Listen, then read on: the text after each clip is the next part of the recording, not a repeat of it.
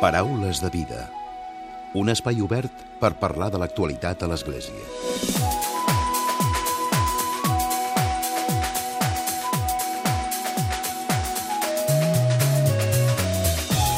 Què tal? Salutacions i molt bon dia, molt bon diumenge. Avui parlarem novament de solidaritat i és que des de fa setmanes ja es presenta arreu de Catalunya l'Agenda Llatinoamericana Mundial 2019. Segons els seus impulsors, es tracta d'un instrument de solidaritat que fomenta el pensament crític i també la consciència. Enguany, l'Agenda Llatinoamericana Mundial celebra els seus 28 anys. Es tradueix a molts idiomes, entre ells també el català. El lema triat per aquest 2019, pel pròxim 2019, és les grans causes en allò petit. L'agenda llatinoamericana mundial 2019 conté 40 articles que són, segons els seus impulsors, d'una qualitat literària i humana excel·lents. Entre les firmes hi ha Ramon Salicru, Arcadi Oliveres, Rubén Darío Gómez o Fra Raúl Vera López, bisbe de Saltillo, a Mèxic. Avui parlarem amb en Joan Sorroca, Sens. Ell és el col·laborador és col·laborador de l'agenda i precisament la del 2019 conté un dels seus textos amb el títol Un tumor cerebral que vulnera i enforteix. De seguida parlem amb ell, que avui ens acompanya des dels estudis de Catalunya Ràdio a Girona.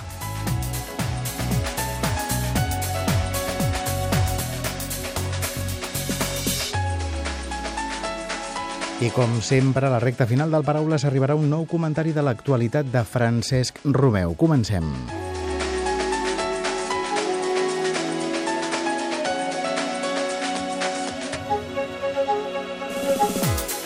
Joan, bon dia i benvingut. Bon dia, bon dia a tothom.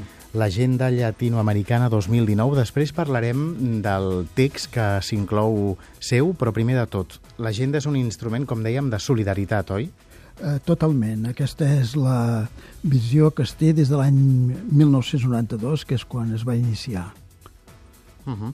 Un instrument de solidaritat amb textos i amb reflexions eh, totalment, perquè nosaltres considerem que és, fa molta falta aquest tipus d'instruments. En aquest moment falten publicacions crítiques, eh, publicacions que mirin el demà passat. No? La política diu que és aquell que ha de mirar el demà, però eh, teòricament podem ja especular què passarà d'aquí 50 anys i preparar el terreny.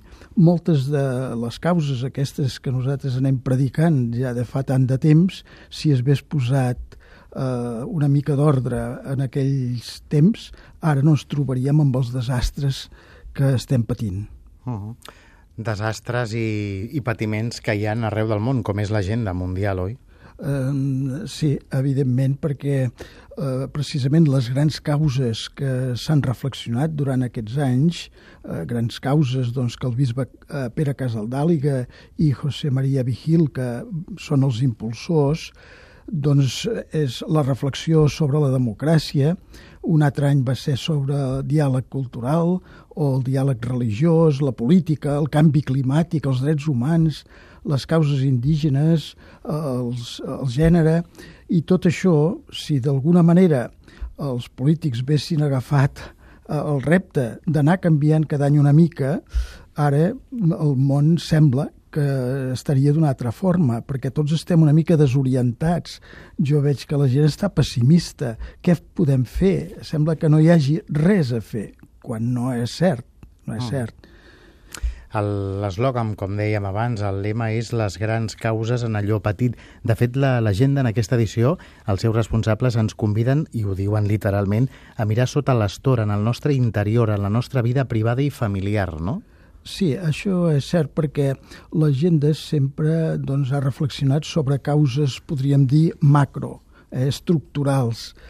Però en la d'enguany, el lema d'enguany, és ben diferent. Eh, segueix una mica també eh, que hem de tenir la reflexió sobre el que és gros, però per una vegada mirem aquestes qüestions més petites, eh, mirem els vulnerables, eh, per exemple, els ancians, eh, els marginats per la seva condició sexual, perquè per exemple, Munier, el pensador massa oblidat d'avui en dia, té una frase que mm, ens impulsa a mirar també aquestes qüestions més petites. Ell deia, encara que tot és polític, allò polític no ho és pas tot eh, hi ha moltes i moltes coses que podem treballar-hi cada un de nosaltres, encara que no tinguem responsabilitats polítiques ni socials, sinó és amb el dia a dia. Quan surto de casa, si jo saludo d'una manera cordial i amb un somriure,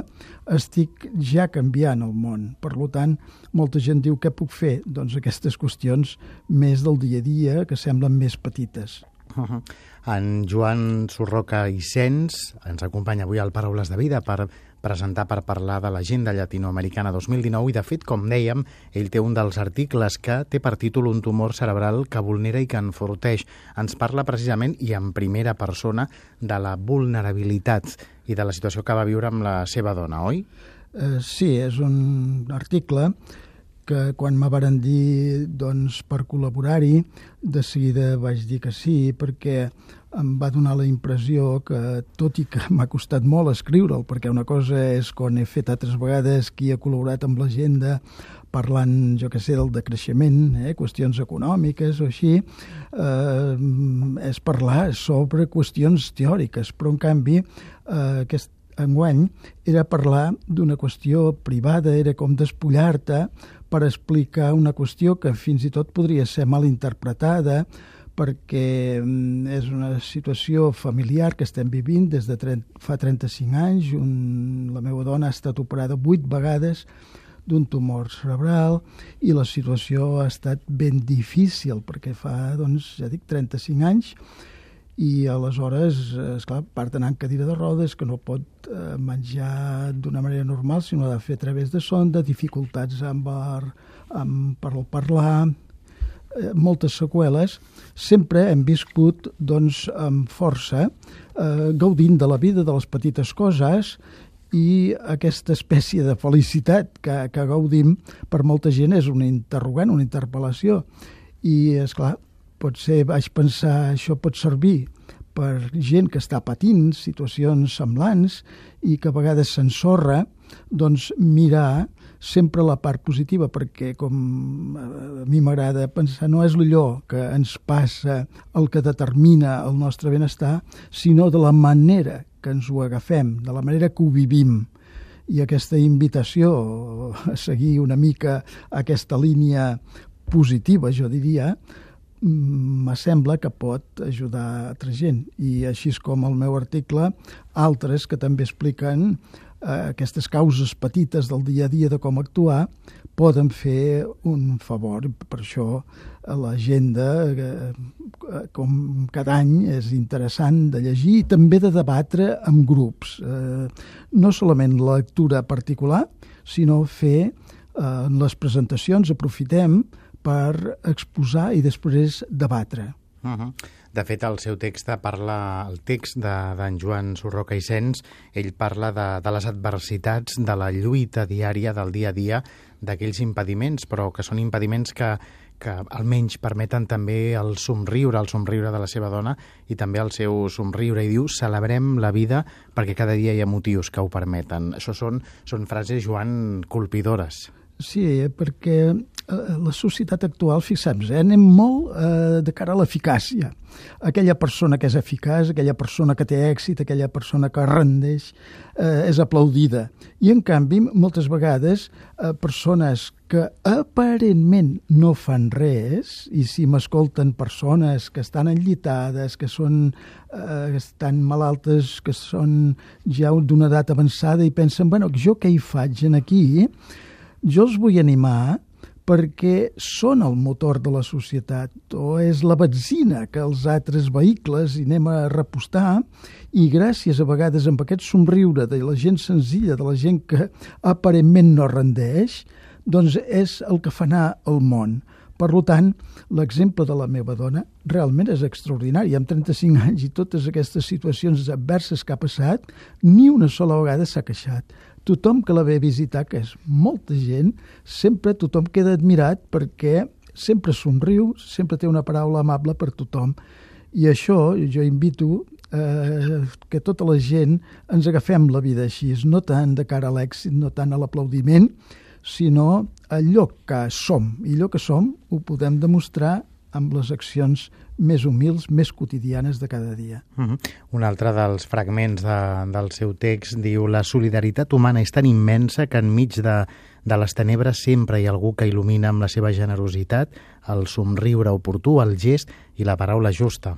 Sí, eh, això és el que hem de fer, eh? penso, eh, amb aquest món tan pessimista, tan tenebrós, eh? que sembla que la gent va trista pel món, eh, el millor que podem fer en aquest moment, sense de ser, eh, deixar de ser realistes, les coses són com són, però ens hem de convertir en veritable llum eh, per eh, les persones trobin el camí, trobin la manera d'avançar, encara que sigui molt a poc a poc, al fi al cap la història sempre ha avançat a poc a poc, ens sembla que no hi ha un canvi, però són aquests petits gestos del dia a dia, de la gent més humil, de la gent que sembla que no fa res, allò que eh, fa que el món sigui una mica millor avui que pas ahir. Mm, afortunadament, jo convido, com faig les presentacions d'aquesta agenda d'enguany, a que la gent eh, exposi eh, qüestions que li han passat positives durant la setmana Eh? És a dir, eh, si un va comprar i resulta que el dependent d'aquell establiment eh, fa una bona acció o fa una bona conversa o si un cambrer doncs, actua com cal, jo convido a demanar el nom en aquesta persona, fer una carta o un correu electrònic en el cap de l'establiment per felicitar doncs, els tipus d'operaris que tinguin i així a mi em dóna la impressió que també aquesta persona que sembla que és anònima hi ha gent que també l'aplaudeix. No només hem d'aplaudir els futbolistes, eh, sinó els Són... que fan la feina de cada dia. Són petits gestos de, de solidaritat i de sí. reconeixement, no? Ah, exacte. És a dir, si nosaltres ens queixem, anem a suposar, fem cartes de queixa, que a vegades se n'han de fer, però mai han de superar les cartes de queixa a les de felicitació. Si jo en faig 10 de queixa, n'haig de fer 11 de felicitació, perquè eh, les persones que se senten estimades eh, llavors eh, estan més animades altra vegada per actuar amb la mateixa línia. Si ningú els diu res, pot acabar dient això no serveix per res, ni que tu reconeix, per tant llenço el barret al foc. En canvi, allò que fa més bé sempre és uh, un petit aplaudiment, o dir gràcies. Ja amb, amb l'educació passa igual. Eh? Jo no crec que a un bon alumne se li pugui dir tu has fracassat, tu no serveixes per res. Això és fatal, perquè l'ensorres en aquell nen o nena. En canvi, si tu li dius això ho has fet bé, encara que suspengui totes les assignatures, però d'alguna cosa n'hem de treure el bé. Aplaudir-lo és possible que ell mateix, a poc a poc, es vagi reconvertint. Per tant, a vegades som allò que la gent ja en, ens posa dintre una casella. Doncs posem la gent amb aquelles qüestions més bones. Trebem les coses bones en comptes de sempre assenyalar les faltes. Uh -huh. L'agenda llatinoamericana i les seves reflexions ens fan sempre mirar cap a l'utopia, Joan? Sí, les utopies són absolutament necessàries que quedi clar que em refereixo a les utopies realitzables. Eh? És a dir, jo sempre dic que val la pena dedicar una estona a la reflexió. És absolutament necessari. Aquesta, aquests minuts de reflexió, una altra persona dirà meditació, una altra ho traslladarà amb unes altres paraules, però parar, parar i pensar és molt important. Eh, llavors, aquest pensament pot ser utòpic, això que deia, mirar demà passat com pot funcionar una cosa, però eh, llavors, un cop s'ha fet la reflexió, eh, sempre aconsello jo a la gent que es dediqui al treball, eh, que es dediqui a la realització. No podem dedicar tot el temps només eh, a pensar utopia, sinó llavors el que hem de fer és treballar amb les qüestions possibles perquè d'aquesta manera també avancem. Eh? Només amb el pensament sempre estaríem allà mateix o fins i tot seria un bon entreteniment pels que sempre voldrien estar allà eh, parats a l'estat quo. Uh -huh. Una agenda llatinoamericana que ara, com dèiem, aquests dies es va presentant. Quines són les, les sensacions o les percepcions que teniu, Joan, quan aneu a les presentacions? Bé, a mi m'agrada molt perquè, almenys les que faig jo, procuro no parlar massa i així és que la gent pugui dir també la seva i et dones compte que aquestes trobades és una oportunitat per un exercici que no fem gaire ara actualment, que és la trobada. Eh? Cadascú es queda molt a casa seu i només ens faltaven ara els mòbils aquests intel·ligents perquè no ens trobem, no fem la trobada.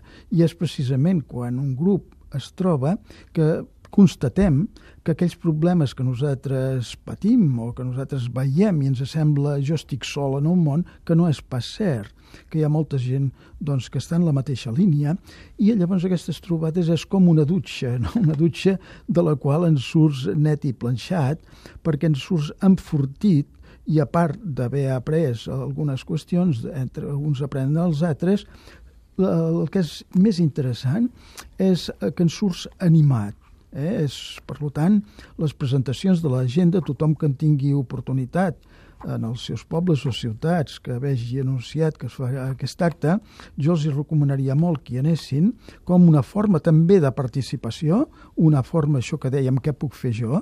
Doncs molt bé, també assistir-hi i d'aquesta manera també es donarà compte del que és l'agenda, que no és solament aquest llibre amb aquests 40-50 articles que hi ha cada any, sinó que hi ha materials, hi ha mapes, vídeos, eh, comptes, eh, també per la didàctica de les escoles, es constitueixen uns premis anuals, és a dir, és tota una filosofia que va més enllà d'un llibre anual. Uh -huh. A més a més, molt pràctica perquè és una agenda i per tant també amb les efemèrides de, de cada dia, oi, de l'any? Sí, eh, va sortir amb aquest nom, eh, agenda, l'any 92, per d'alguna manera contrarrestar la propaganda aquesta dels, eh, del descobrimiento, eh? eh? amb una altra filosofia més crítica i constatant el, el, els grans, eh, les grans injustícies que s'han fet en aquest continent però llavors doncs, ha anat eh, variant, ara ja no solament és llatinoamericana, sinó és mundial i eh, tracta doncs, tots aquests temes eh, interessants, les grans causes doncs, que promou a Pere Casaldàlia. Uh -huh.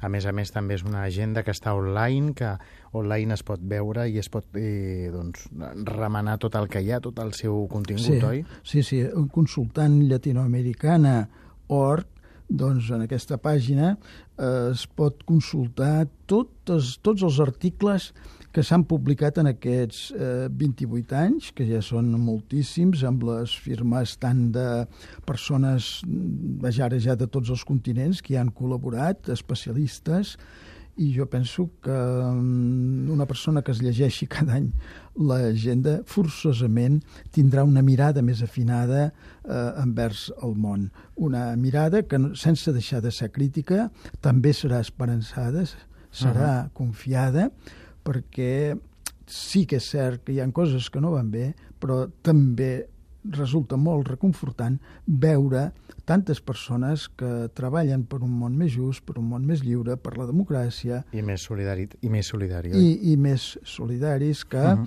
eh, tant pot ser la solidaritat entre continents com la solidaritat tan necessària, i per això aquest any insisteix en aquest punt, quina solidaritat haig de tenir jo amb el meu veí, amb aquella mm. persona que trobo cada dia, eh, que també té necessitat perquè pensem que la pobresa és catastròfica, però la, la pobresa mm, de la manca de mort, per mi, eh, la soledat, per és... exemple, que pateixen, és la pitjor. Uh mhm. -huh. eh? I, és per tant, fem-nos companyia uns amb els altres, parlem-ne, trobem-nos i així fem un món molt millor.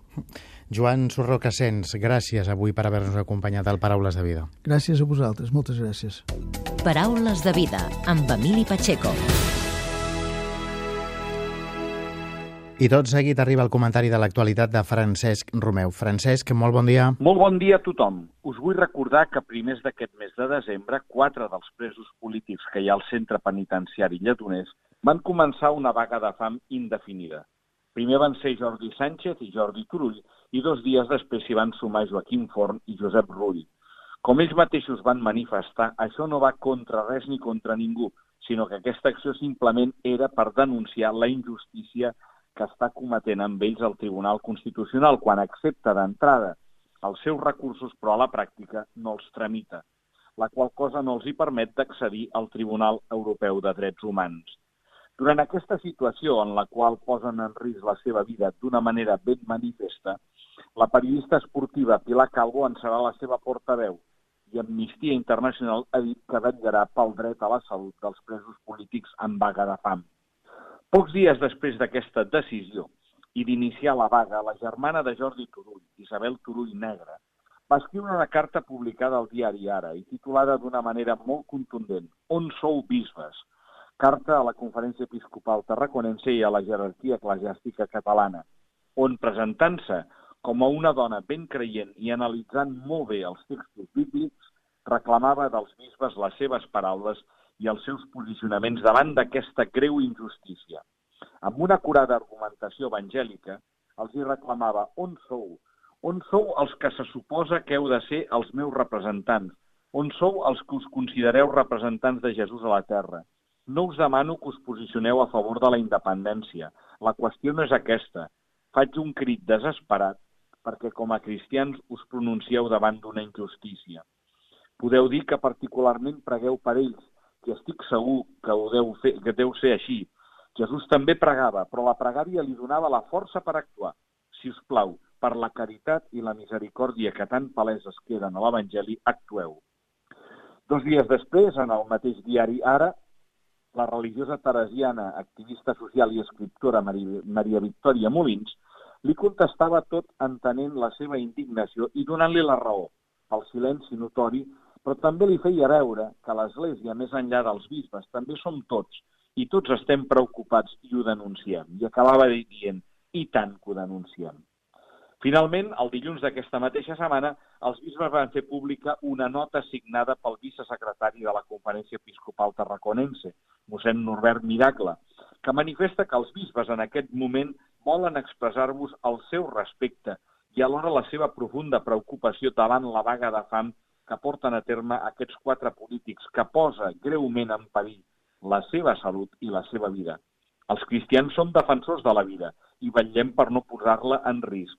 Aquesta iniciativa mostra la situació excepcional en què es troben aquests i altres dirigents catalans en presó preventiva decretada pel Tribunal Suprem, que els comporta un llarg temps de privació de llibertat sense que s'hagi celebrat cap judici oral.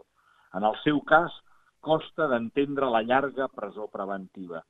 Els bisbes confien que les autoritats judicials competents resoldran de forma ràpida i ajustada el dret als recursos plantejats i que el futur judici a què seran sotmesos serà un judici amb plenes garanties i en el mínim període de temps possible. Els bisbes de Catalunya reconeixen que les paraules d'Isabel Turull han estat colpidores per a ells i li diuen que sempre amb discerniment pastoral i per responsabilitat envers la missió rebuda han donat a conèixer de formes diverses amb les seves intervencions, en notes, en escrits, homilies, declaracions, entrevistes i intencions de pregària, el seu desig que s'arribi a una solució justa pels polítics empresonats, que ajudi la pau social. Els bisbes que tenen polítics empresonats en centres situats a les seves diòcis han visitat de forma volgudament discreta, però compromesa, els qui pateixen la manca de llibertat. I ho faran novament amb motiu del Nadal ja proper, com fan sempre. També s'han entrevistat amb alguns familiars per donar-los suport en aquests moments de sofriment i valoren que moltes parròquies i centres religiosos siguin promotors dels drets de les persones i procurin estar ben propers i acollidors a totes les situacions de sofriment, com les de la vostra família o per altres causes. Molt bon diumenge a tothom!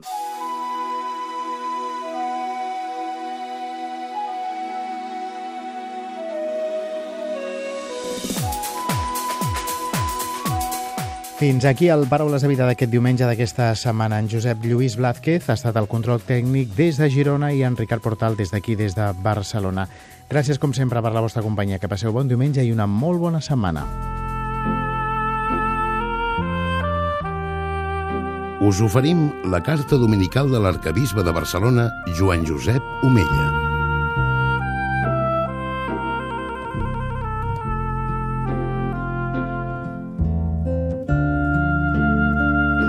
Déu vos guard.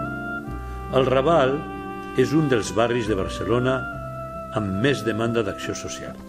Aquesta àrea, multicultural i rica en diversitat, concentra problemàtiques molt representatives de la realitat de la ciutat a les quals es refereixen sovint els mitjans de comunicació. En poc més d'un quilòmetre quadrat viuen més de 48.000 persones, una xifra que triplica la densitat mitjana de la ciutat. La meitat dels veïns són d'origen estranger i predomina una classe mitjana empobrida amb un alt nombre de famílies en risc d'exclusió social, desfavorides i sense esperança. El 30% de la població està desocupada. El 37% té professions de perfil baix. Un 72% dels habitants només té estudis primaris. Més de 2.000 persones grans viuen soles.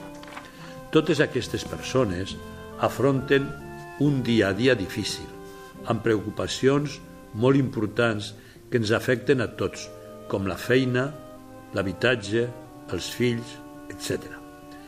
Tot això es barreja amb problemes greus de qualitat de vida, d'espai públic, de gentrificació i de seguretat. Afortunadament, a més a més de la tasca que fan les institucions públiques, al barri del Raval hi ha unes 50 entitats que es dediquen a ajudar aquestes persones i, a més, també hi ha molta gent que ofereix el seu ajut a nivell individual. L'esperança és la gent. Amb persones altruistes aconseguirem una societat més digna i cohesionada.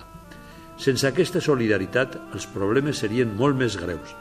Tenim una gran xarxa social molt activa, que no només està facilitant la unió i la bona convivència al barri, sinó que contribueix a reduir problemàtiques i, en alguns casos, brots de violència.